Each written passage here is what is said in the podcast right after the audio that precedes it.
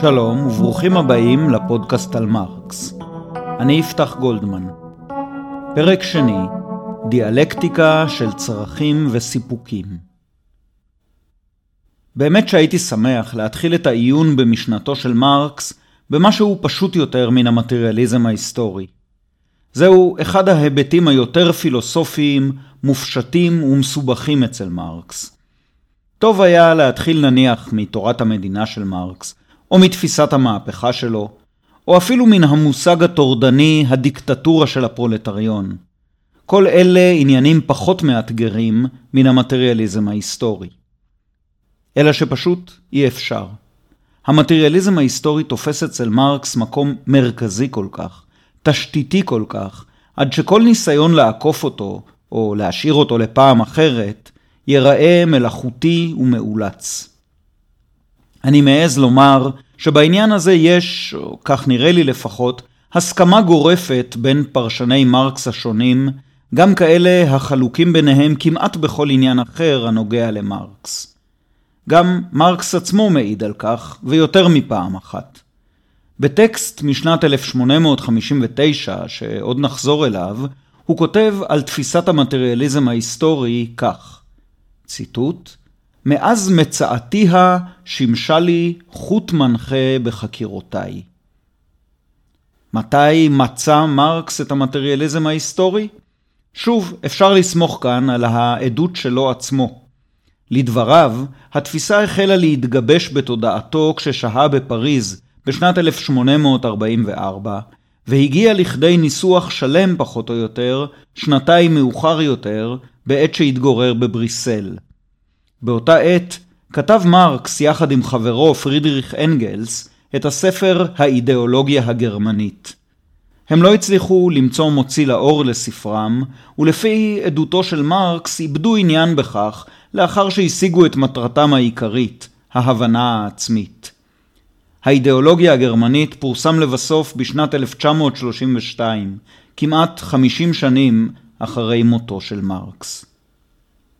לא אדבר כאן בהרחבה על האירועים שהביאו לכתיבת האידיאולוגיה הגרמנית, על משמעות השם המשונה, על הנסיבות שהכשילו את פרסומו וכן הלאה. באופן כללי כדאי לומר שבפודקאסט על מרקס אני אבקש להתמקד בתיאוריה של מרקס. לא אציג ביוגרפיה אינטלקטואלית או אחרת של קרל מרקס. לא הייתי יכול להציג ביוגרפיה כזאת גם אילו רציתי לעשות זאת. גם לא אדבר על הטקסטים שמהם אקרא ועליהם אסתמך, אלא במידה הנחוצה להסברת ההיבטים התאורטיים. לשומעים שמתעניינים בנסיבות הכתיבה, אני ממליץ לעיין בקובץ כתבי שחרות של מרקס, שיצא לאור בעברית ב-1965, וקל למדי למצוא אותו בספריות. כתבי השחרות מכיל את הטקסטים החשובים שכתב מרקס בין השנים 1843 עד 1846, וביניהם האידיאולוגיה הגרמנית. שלמה אבינרי, שתרגם את הטקסטים לעברית, הקדים למהדורה מבוא מפורט, ובו, בין השאר, הסבר תמציתי ומרתק על נסיבות חייו של מרקס באותם שנים, וההקשר ההיסטורי של כתיבת הטקסטים שבקובץ. ועוד הפניה. באתר האינטרנט שלי יש שלושה כלי עזר ללימוד מרקס. לוח עם האירועים החשובים בחייו על רקע אירועי התקופה, טבלה עם הספרים העיקריים שכתב, מה חשיבותם ואיפה אפשר למצוא אותם בתרגום לעברית, ורשימה של עקרונות פרשניים להבנת מרקס. פשוט כתבו ygoldman.org והשתמשו במנוע החיפוש הפנימי של האתר כדי להגיע לפוסט שלושה כלי עזר ללימוד מרקס. אחזור אל הספר האידיאולוגיה הגרמנית. זהו בעצם הספר היחיד שמרקס כתב שיש בו פריסה רחבה ומקיפה של עקרונותיו הפילוסופיים, ובעיקר של המטריאליזם ההיסטורי. מרקס היה מגדולי הפילוסופים בהיסטוריה, אני חושב שהוא היה גדול הפילוסופים במאה ה-19, שנתנה לנו כמה ענקים כמו הייגל, קירקגור וניטשה. אבל באופן פרדוקסלי, לפילוסוף הדגול הזה לא הייתה פילוסופיה. כלומר, הוא לא כתב פילוסופיה, לפחות לא באופן שבו נהוג בדרך כלל לכתוב פילוסופיה. מאז השלים את הדוקטורט שלו בפילוסופיה, וככל שהתקדם במחקריו, פיתח מרקס יחסים מורכבים עם הפילוסופיה. לעתים נדמה שהוא כמעט מלעיג עליה, למרות שבמקומות אחרים הוא משתמש בה לפיתוח רעיונותיו. אולי התזה ה-11 על פוירבך, שהיא חלק מטקסט קצר שמרקס כתב לעצמו, בערך באותה תקופה שבה כתב את האידיאולוגיה הגרמנית, מציגה בתמצית רבה את יחסו של מרקס לפילוסופיה. הזכרתי את התזה הזאת בתחילת הפרק שעבר. היא קצרה מאוד והיא אומרת כך: הפילוסופים עד היום רק פירשו את העולם בדרכים שונות. העיקר הוא לשנותו. היו שהבינו כאן את מרקס כאילו אמר שלא צריך לפרש את העולם, אלא לשנות אותו. אבל ברור שזו קריאה שגויה של דברי מרקס. עבור מרקס, שינוי העולם הוא העיקר והתכלית, אבל פרשנות נכונה של העולם היא כלי חשוב, אולי אפילו תנאי הכרחי, בדרך לשינוי העולם. כמעט כל מה שמרקס כתב עסק בפרשנות העולם, בניתוח אופן הייצור הקפיטליסטי והשלכותיו הכלכליות, החברתיות, הפוליטיות, אולי גם הפסיכולוגיות. אבל כאמור, התכלית הסופית היא שינוי העולם, הגשמת הפוטנציאלים לשחרור האדם שנבראו בתוך הסדר הקפיטליסטי, וכעת הקפיטליזם מעכב את התממשותם. פילוסופיה המכוונת לשחרור האדם והחברה אינה יכולה להישאר בשמי האבסטרקציה. היא לא יכולה להסתפק בדיון מושגי במהויות מופשטות. אכן, הפשטות הן כלי חיוני להבנת המציאות. אי אפשר לפתח תיאוריה טובה בלי הפשטות. לאמיתו של דבר, אי אפשר בכלל לחשוב חשיבה מושגית בלי הפשטות. כל מושג הוא הפשטה, כמעט כל מילה היא הפשטה. חישבו על המילה שולחן, למשל. ברור שאיננו חושבים עכשיו על שולחן קונקרטי. למילה שולחן אין צבע, היא לא עשויה מחומר מסוים, אין לה גודל נתון, ואפילו לא צורה מחייבת, למרות שמלבן היא הבחירה הפופולרית. המילים והמושגים יוצרים תמונה מופשטת של העולם, תמונה המאפשרת לנו להתמקד בכל פעם באספקט אחר של העצמים. אותו דבר עצמו יכול להיות עבורנו אדום, עגול או חמצמץ, למרות שמבחינה קונקרטית הוא בעצם דובדבן. ושוב, גם המילה דובדבן היא כבר מושג כללי שכל מיליוני הדובדבנים בעולם הם גילומים קונקרטיים שלו. התיאוריה המדעית מאפשרת לנו מדרגה גבוהה עוד יותר של הפשטה. זה נכון כמובן ביחס למדעי הטבע, אבל אני אתמקד כאן במדעי החברה, שדה המחקר של מרקס. חישבו על מושגים מן השדה הזה. כלכלה, למשל, או חלוקת עבודה, או מעמד. ברור שאלה מושגים מופשטים הרבה יותר מן הדובדבן שדיברנו עליו קודם. אין בעולם עצם מוחשי הנקרא מעמד, גם אין עצם מוחשי הנקרא חברה. ובכל זאת, הדיבור על חברה מעמדית או על המעמדות בחברה הוא דיבור בעל תוכן. אלו הם מושגים מופשטים המאפשרים לנו להגיד משהו על העולם ועל עצמנו. הפילוסופיה מייצגת את הדרגה המופשטת ביותר של התיאוריה. מושגיה הם הכלליים ביותר. מטריאליזם למשל הוא מושג פילוסופי. הוא מופשט יותר מן המושג חומר, מטריאל, שממנו הוא גזור. כשם שהמושג חומר מופשט וכללי יותר מן המושג עץ, פלסטיק או נייר, וכך הלאה. התרחקנו מעט ממרקס ומיחסו אל הפילוסופיה. עכשיו אפשר לחזור אליו. מרקס לא התנגד להפשטות פילוסופיות, אבל הוא דרש מהתיאוריה שלו, ומכל תיאוריה ראויה לשמה, להימצא בתנועה מתמדת בין המופשט לקונקרטי, בין שמי המושגים לקרקע המציאות. התיאורטיקן של מדע החברה צריך להיות מין מלאך העולה ויורד בסולם יעקב, שרגליו על הארץ וראשו בשמיים. מרקס שלט שליטה וירטואוזית באופן הדיון הדינמי הזה. ספרו הגדול, הקפיטל, הוא אולי הדוגמה הטובה ביותר לכך. אבל הדרישה המרקסית לתנועה מתמדת מן המופשט אל הקונקרטי ובחזרה, פירושה שהפילוסופיה שלו לא מופיעה כחלק נפרד, ודאי לא כחיבור נפרד או כיסודות של המבנה התאורטי.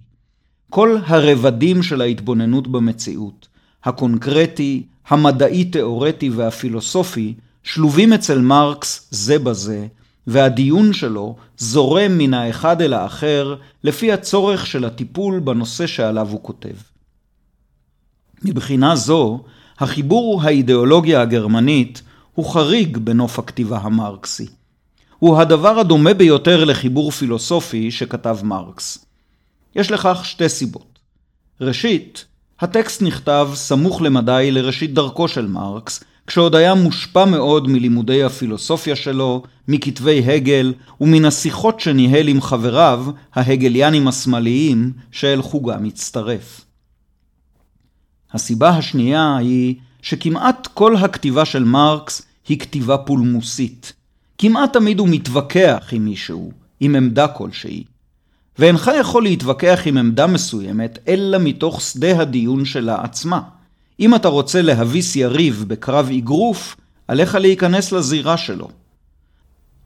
היריבים שאיתם מתפלמס מרקס, שאותם הוא מנסה להפיל בנוקאוט, הם אותם החברים שלו מאתמול, ההגליאנים השמאליים, שאת חוגם עזב מרקס בכעס ובלעג. מרקס נתן להם את הכינוי אידיאולוגים גרמניים, ועלינו להבין זאת ככינוי גנאי. לא גרמנים הוא כינוי הגנאי, אלא אידיאולוגים. מרקס מתווכח כאן עם הפילוסופיה שאחרי הגל. זוהי פילוסופיה אידיאליסטית. ומתוך הפולמוס עם האידיאליזם הזה, פורס מרקס את משנתו המטריאליסטית. זו לפחות אחת מן הסיבות שהוא קורא ליריביו, חבריו מאתמול, אידיאולוגים. מן המילה היוונית אידאה, שממנה גזור גם המונח הפילוסופי אידיאליזם. אם כי למילה אידיאולוגיה היה כבר טון מזלזל עוד לפני שמרקס השתמש בה. אידיאליזם ומטריאליזם הם מושגים מתחום המטאפיזיקה. מטאפיזיקה היא התחום המופשט ביותר, הגבוה ביותר של הפילוסופיה. המטאפיזיקה שואלת שאלות כמו מהו הזמן, האם יש או אין אלוהים ומהו בעצם, האם יש רצון חופשי, ממה עשוי העולם, וכן הלאה. אידיאליזם ומטריאליזם הם תשובות לשאלה האחרונה ששאלתי, ממה עשוי העולם? המטריאליסט אומר, העולם עשוי חומר. הדברים החומריים הם אלה הקיימים באמת. כל מה שנראה לנו בלתי חומרי, כמו למשל המחשבות שלנו, הוא רק סוג מיוחד של חומר, או שהוא השתקפות פסיבית של תהליכים חומריים המתחוללים בגוף או בראש שלנו, או שהוא פשוט בלבולי שכל. כמובן שהבעיה של המטריאליסט היא שעכשיו הוא צריך להסביר איך מתחוללים בלבולי השכל ואיך אפשר להבין אותם כתופעה חומרית גרידא.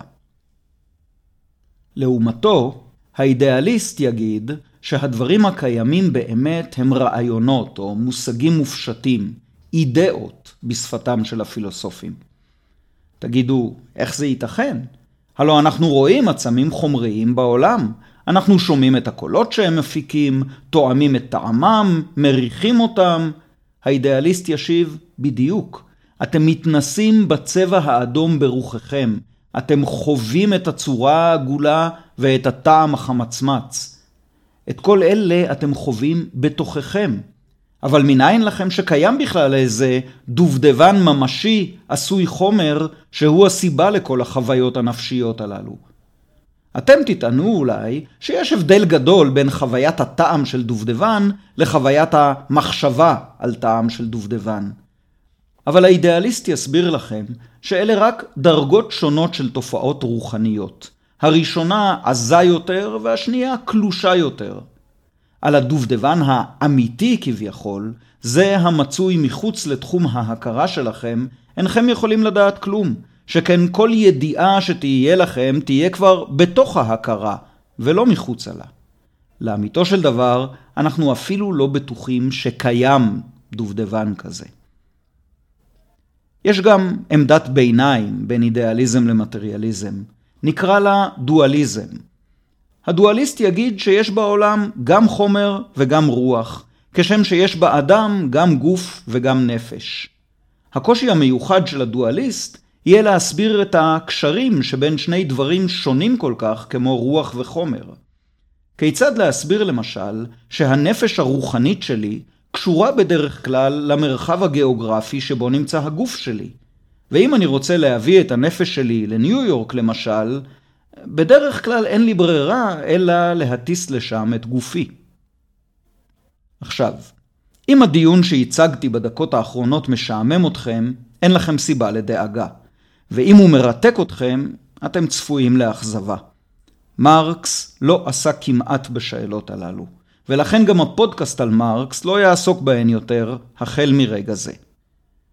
או אולי רק החל מן הרגע הבא, כי את הרגע הזה אנצל לשני דברים אחרונים. הראשון, להבהיר שהאופן שבו דנתי עכשיו בסוגיות המטאפיזיות הללו היה פשטני להחריד, פשטני עד כדי לזעזע כל חובב מטאפיזיקה, ואני חובב מטאפיזיקה. לא הייתי רוצה שתחשבו שכך באמת נשמעים דיונים מטאפיזיים.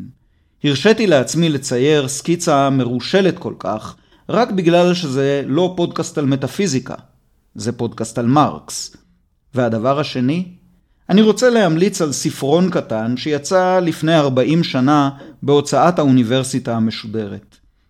את הספר כתב ישעיהו ליבוביץ', והוא נקרא גוף ונפש הבעיה הפסיכופיזית. הוא מציג בצורה טובה את השאלות שעליהן דיברתי כאן בקצרה, את התשובות האפשריות להן, ואת הבעיות שבכל אחת מן התשובות. אם אתם אוהבים את הפיזיקה כמוני, תהנו לקרוא את הספר. מרקס, כאמור, לא עסק במטאפיזיקה. אם היה עוסק במטאפיזיקה, אפשר לנחש שהיה מחזיק בעמדה מטריאליסטית, אבל זה ניחוש בלבד. אני מדמיין שיחה שבה אנחנו עוצרים את מרקס ברחוב, אולי בדרכו אל ספריית המוזיאון הבריטי בלונדון, ואומרים לו, תגיד, הר מרקס, מה עמדתך המטאפיזית בשאלה ממה עשוי העולם? בתגובה, מרקס היה מטיח בנו כמה גידופים ארסיים, ומסביר לנו שהעיסוק בשאלות הללו זה בדיוק הדבר שמוציא שם רע לפילוסופיה והופך אותה לדבר אווילי ומיותר.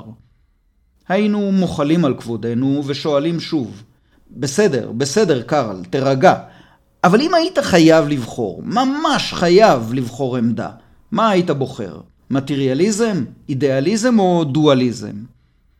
אני משער שבשלב הזה מרקס היה מפטיר שהוא בוחר במטריאליזם, בעיקר כדי שנעזוב אותו והוא יוכל למהר אל המוזיאון ולשקוע שם בעיון בספרים. אבל אני מדגיש שוב, השיחה שתיארתי עכשיו היא דמיונית. בכתביו, מרקס לא מציג תפיסה מטאפיזית מטריאליסטית או תפיסה מטאפיזית כלשהי. יתר על כן, בכל הכתיבה שלו מרקס מניח כמובן מאליו שבני האדם הם לא רק מסה של תאי גוף. יש להם תודעה ויש להם רצון. ולפחות לפעמים, או בתנאים מסוימים, יכול הרצון הזה להתממש במעשים המשנים ומעצבים את מציאות חייהם. מרקס היה פילוסוף של ההיסטוריה, והמטריאליזם שלו לא היה מטריאליזם מטאפיזי, אלא מטריאליזם היסטורי, שלפעמים נקרא גם דיאלקטי. הוא לא עסק בשאלה ממה עשוי העולם, אלא בשאלות אחרות. כיצד מתעצבת ההיסטוריה האנושית? מהם הגורמים המניעים את ההיסטוריה ומחוללים תקופות חדשות ויחסים חברתיים חדשים? כיצד נראים התהליכים ההיסטוריים בעיני אלה החיים בתוכם ובעיני ההיסטוריון המתבונן בהם במבט לאחור, או הפילוסוף המתבונן בהם מלמעלה. כדי להתחיל להשיב על השאלות האלה, נקרא כמה שורות מתוך האידיאולוגיה הגרמנית. כך כותב מרקס. אגב, הייתי צריך לומר, כך כתבו מרקס ואנגלס, כי הספר נכתב כפרויקט משותף של שניהם, אבל אני אמשיך עם מרקס, זה קצר יותר, וגם די ברור שהוא זה שכתב את החלקים היותר פילוסופיים של האידיאולוגיה הגרמנית. ובכן, כך כותב מרקס. הנחות היסוד שבהן אנו פותחים אינן בשום פנים ואופן שרירותיות, אינן בגדר דוגמות, הן הנחות יסוד מציאותיות, וניתן להתעלם מהן רק על דרך הדמיון. אנו פותחים ביחידים הממשיים, בפעילותם בתנאי החיים החומריים שלהם, בין אם הם נתונים להם ובין אם נוצרו על ידי פעולתם. אני מדלג קצת וקורא שוב. חייבים אנו לפתוח בכך שנקבע את ההנחה המוקדמת הראשונה בתכלית של כל קיום אנושי שהוא, כלומר של כל ההיסטוריה. והיא ההנחה שבני האדם חייבים להיות מסוגלים לחיות על מנת לעשות היסטוריה. בראש ובראשונה נחוצים לשם החיים אכילה ושתייה, דיור, לבוש ועוד כמה עניינים אחרים. סוף ציטוט. כלומר, סיפוק צורכי הקיום, כגון מזון ומשקה, הוא תנאי הכרחי לכל היסטוריה אנושית שהיא. על מנת שיוכלו בני האדם לעשות היסטוריה, כלומר ליצור דפוסי חברה, תרבות, משטר, אומנות וכדומה, צריכים הם קודם כל להתקיים. ומשום שהם יצורים טבעיים, כלומר חיים בתוך הגופים הטבעיים והחומריים שלהם, הם יצורים בעלי צרכים חומריים. לכן, סיפוק הצרכים הוא תנאי ליצירתה של היסטוריה אנושית. יש משהו מאוד קומונסנסי בטענה הזאת. במקום להתחיל את הדיון מאיזה מושג מופשט של האדם, או איזה עיקרון מהות המבדיל את האדם מן הבהמה, כגון שכל, או מוסר, או ניצוץ אלוהי, צריך להתחיל אותו בבני האדם הקיימים בפועל, ובתנאי הקיום שלהם. אם בני האדם לא יתקיימו, לא תהיה להם כל היסטוריה. ומרקס ממשיך, המעשה ההיסטורי הראשון הוא אפוא ייצורם של האמצעים לסיפוקם של צרכים אלו, יצירת החיים החומריים עצמם. ואכן, זהו מעשה היסטורי, תנאי יסוד לכל היסטוריה שיש לשוב ולהגשימו גם היום, כמו לפני אלפי שנים, כל יום וכל שעה, על מנת שניתן יהא לקיים את האדם בחיים. סוף ציטוט. בני האדם מייצרים את האמצעים לסיפוק צורכיהם. עוד נצטרך לברר מה פירוש המילה מייצרים, אבל נדמה לי שקל להשתכנע שאכן יצירת האמצעים לסיפוק הצרכים כמוה כיצירת החיים החומריים עצמם.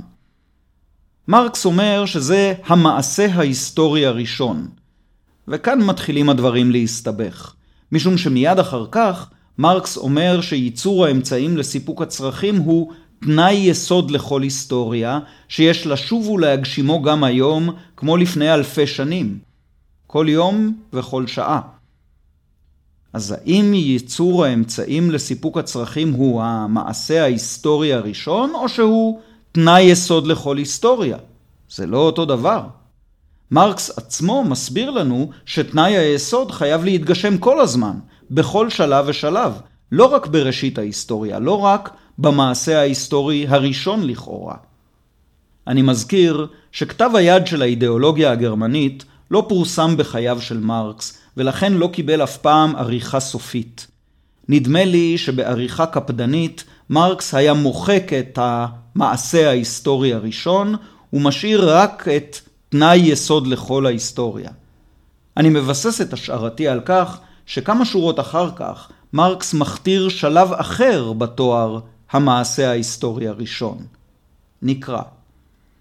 העניין השני הוא כי משעה שסופק הצורך הראשון עצמו, מובילים מעשה הסיפוק ומכשיר הסיפוק שהושג כבר לצרכים חדשים, ויצירה זו של צרכים חדשים היא המעשה ההיסטורי הראשון. אז אם כך, הצעד ההיסטורי הראשון לא היה סיפוק הצרכים, אלא הופעתם או יצירתם של צרכים חדשים. אנסה להסביר. כל בעלי החיים מתקיימים מן הטבע, ונמצאים בחילוף חומרים מתמיד עם הטבע. בעל החיים מכניס אל גופו מזון, מים וחמצן, ופולט פסולת. האדם גם הוא יצור טבעי, ולכן כל הדברים האלה נכונים גם ביחס אליו. אבל בעלי החיים לא מייצרים את האמצעים לסיפוק צורכיהם. הם צורכים את הטבע באופן ישיר, מיידי. האנטילופה מלחכת עשב, הנמר טורף את האנטילופה, וכן הלאה. בעלי החיים פועלים על פי האינסטינקט שלהם, בהתאם לטבעם הביולוגי. הם סגורים כביכול במעגל נצחי של לידה, חיים, הולדה ומוות. כל דור חדש חוזר פחות או יותר על דפוס החיים של הדור הקודם. במקרה של שינוי אקולוגי דרסטי, כמו למשל בצורת, האנטילופות לא ישנו את אורחות חייהן, הן פשוט ייכחדו. האדם החל את החריגה שלו מן המעגל הסגור הזה לפני מאות אלפי שנים, הרבה לפני הופעתו של הומו ספיאנס. כבר אמרנו קודם שהאדם מייצר את האמצעים לסיפוק צרכיו. הגיע הזמן להסביר זאת. האדם לא צורך את הטבע באופן ישיר, אלא באופן יצרני. הוא מבשל את הבשר, הוא קוצר את הצמחים, הוא מעבד את אורן של החיות, טוחן את החיטה לקמח, וכן הלאה. לשם כך, היה עליו לביית את האש, להכין כלי בישול, מגלים או סכיני אבן לקציר או לעיבוד אורות, וכלים אחרים לתחינת הגרעינים. כשהאדם מייצר כלים, ואז משתמש בכלים כדי לספק את צרכיו, הוא לא מציית לדחפים אינסטינקטיביים, כפי שהעכביש תובע את הרשת, או הדבורה בונה את הכוורת. התודעה האנושית פועלת בתהליך הייצור הזה, מנחה ומכוונת אותו. המקום המוצלח ביותר, וגם המפורסם ביותר שבו מרקס מסביר זאת, הוא ספרו הגדול "הקפיטל", שנכתב עשרים שנה לאחר האידיאולוגיה הגרמנית. מרקס כותב שם כך: עכביש מבצע כמה עשיות שיש בהן משום דמיון לפעולות ההורג. ודבורה בונה את תאי השעווה שלה ומביישת בכך לא אחד מן הבנאים מבני האדם. אולם גדול כוחו של הגרוע בבנאים מכוחה של המעולה בדבורים. בכך שהלה, הבנאי האנושי, עמד ובנה כבר את התא במוחו לפני שהוא בא לבנותו בשעווה. בסופו של תהליך הבנייה באה לעולם תוצאה שעם תחילת התהליך כבר הייתה קיימת בדימויו של הפועל. הווה אומר, כבר הייתה לה הוויה אידיאלית. התודעה האנושית, כוח הדמיון והרצון התכליתי, כלומר הרצון המציב לאדם מטרות, מעורבים בתהליך סיפוק הצרכים של האדם. יש לכך כמה השלכות. אחת מהן כבר הוזכרה קודם לכן.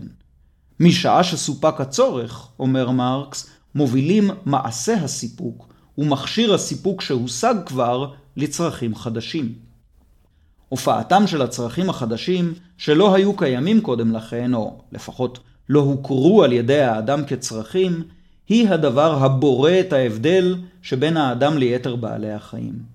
לאחר שסופק הצורך הדחוף ביותר, מתבונן האדם בכלי שיצר, ולפתע ברור לו שלכלי הזה ייתכנו שימושים נוספים, מלבד השימוש שעשה בו עד כה. אנחנו מכירים את הביטוי, הצורך הוא אבי ההמצאה. מרקס אומר, נכון, אבל לא פחות מכך, ההמצאה היא אימן של צרכים חדשים. האש שבישלה את הבשר יכולה גם לשרוף את הטיט ולעשותו לכלי חרס. את יריעות האור שעובדו כדי להתעטף בהן, אפשר גם לתפור זו לזו ולהפוך אותן לבגד אמיתי. סכין הצור, ששימש כדי לקצור את השיבולים, יכול גם לשמש ככלי נשק במאבק על משאבים או על יוקרה. והנה, פתאום, כלי חרס, בגד תפור ויוקרה מופיעים כצרכים, משום שהכלים לסיפוקם כבר קיימים. כך מתחילה ההיסטוריה.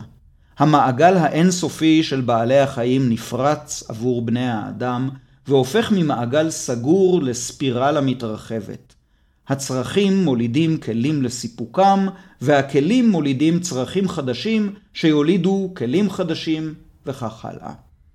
חז"ל אמרו, אין אדם יוצא מן העולם וחצי תאוותו בידו. בתרגום לעברית פשוטה זה אומר, שום אדם לא מצליח עד יום מותו להשיג אפילו 50% ממה שהשתוקק לו. אפילו חצי תאוותו איננה בידו. אנחנו תמיד מסיימים בפחות מחצי הדברים שרצינו. מרקס מציע הסבר רציונלי, פסיכולוגי וסוציולוגי לדבר. אנחנו אף פעם לא משיגים את כל מה שאנחנו משתוקקים לו, אבל זה לא בגלל שבני האדם הם חמדנים, אלא בגלל הדינמיקה, הדיאלקטיקה של הצרכים והאמצעים לסיפוקם, הבוראים צרכים חדשים. המרדף האינסופי הזה בעקבות הצרכים שלנו הוא דבר טוב או רע? זה תלוי כמובן בנסיבות, אבל בחשבון אחרון מרקס היה אומר שזה מה שעושה אותנו לאנושיים. בטקסט אחר שלו, שנכתב שלוש שנים לפני האידיאולוגיה הגרמנית, וגם הוא לא פורסם בימיו של מרקס, הוא כותב שהאדם צורך את הטבע באופן אוניברסלי, ומשום כך האדם הוא חופשי. להיות חופשי, על פי מרקס, אין פירושו להיות משוחרר מצרכים, כמו שהורה הבודה למשל. להיות חופשי פירושו לממש צרכים רבים, שונים ומגוונים. אתה אנושי יותר ככל שאתה מגשים את עצמך באופן רב צדדי יותר.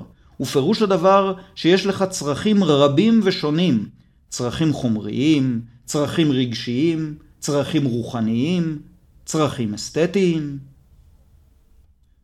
כדאי לזכור את הכלל הזה, לפחות בגלל שהוא יכול לשמש אתכם בוויכוחים סביב שולחן השבת, כשסבא או סבתא שלכם מתחילים לספר איך כשהם היו צעירים, הם הסתדרו מצוין בלי סמארטפון ובלי מחשב נייד ובלי טיול של חצי שנה לדרום אמריקה. בפעם הבאה שזה קורה, הישירו מבט אל הזקנים והגידו להם, נכון סבא, את צודקת סבתא, באמת יש לנו הרבה יותר צרכים מכפי שהיו לכם. זה פשוט בגלל שאנחנו אנושיים יותר. במחשבה שנייה, אולי לא כדאי שתנסו את זה בבית. האנתרופולוגיה והארכיאולוגיה של חברות קדומות הם שני ענפי דעת שהיו ממש בראשית דרכם בימיו של מרקס. מאז הם התפתחו מאוד. הארכיאולוגיה והאנתרופולוגיה סיפקו לנו אישושים רבים לדבריו של מרקס, והעשירו מאוד את התמונה שהוא צייר רק את קוויה העקרוניים. בעבר היה נהוג לחשוב שלאדם הקדמון לא הייתה בעצם היסטוריה. כל דור שחזר במדויק את מעשי אבותיו, השתמש באותן טכניקות ייצור לשם סיפוקם של אותם צרכים, והעביר לדור הבא אותה רשימת צרכים ואותו סט של כלים. בשנים האחרונות ההשקפה הזאת הולכת ונזנחת. יותר ויותר אנחנו מגלים שלבני האדם תמיד הייתה היסטוריה. היא אולי התקדמה בקצב איטי יותר לפני אלפים של שנים, אבל היא בהחלט התקדמה לאורך הדורות. כלים חדשים הופיעו, טכניקות ייצור חדשות פותחו, אופן הקיום האנושי השתנה והשתכלל, הצרכים התרבו והתגוונו, בני האדם התרחקו בהדרגה מטבעם החייתי. גם דוד המלך, שלפי המסורת כתב את ספר תהילים, מכיר בהבדל הזה שבין האדם והבהמה, ככתוב במזמור קד המפורסם על אלוהים שהוא מצמיח חציר לבהמה ועשב לעבודת האדם להוציא לחם מן הארץ. יש הוגי דעות האומרים שהתהליך הזה של שכלול האמצעים וריבוי הצרכים הוא האחראי לכל אסונותינו, לפחות החל משלב מסוים. ז'אן ז'אק רוסו חשב שהכל התחיל להידרדר עם המצאת הרכוש הפרטי. ג'רד דיימונד הצביע על המהפכה החקלאית, בערך לפני 12 אלף שנים, כעל הטעות שסגרה עלינו את המלכודת. ג'יימס סי סקוט ואחרים מצביעים על המהפכה האורבנית, הופעתן של הערים והממלכות, בערך לפני 5,000 שנים, ואומרים שאז הכל השתבש. מרקס היה אופטימי יותר. הוא היה אומר שההיסטוריה אומנם הולידה אסונות, אבל גם הפכה אותנו לאנושיים. ומה שלא פחות חשוב, יצרה את התנאים להגשמתה של חירות האדם. את הדברים האלה אסביר בפרקים הבאים. עוד לא סיימנו את הדיון במטריאליזם ההיסטורי. רשמנו לפנינו את תופעת ההיסטוריה האנושית כדיאלקטיקה של צרכים ואמצעים לסיפוק הצרכים. תפיסת ההיסטוריה הזאת נקראת מטריאליזם היסטורי בגלל המקום המרכזי שהיא נותנת לצרכים החומריים ולכלים החומריים המיוצרים לשם סיפוק הצרכים האלה. היא נקראת גם מטריאליזם דיאלקטי בגלל היחסים הדו-כיווניים שבין הצרכים והאמצעים לסיפוקם. יחסים של בנייה הדדית ופיתוח הדדי, כלומר בלשונם של הגל ומרקס, יחסים דיאלקטיים. בפרק הבא נמשיך לדבר על המטריאליזם ההיסטורי-דיאלקטי, ונעשיר את התמונה ברכיבים מהותיים נוספים. וגם נפגוש דמות מרתקת מן העבר הקדום, הממש קדום שלנו. עד כאן הפודקאסט על מרקס להיום. אני יפתח גולדמן. תודה שהאזנתם.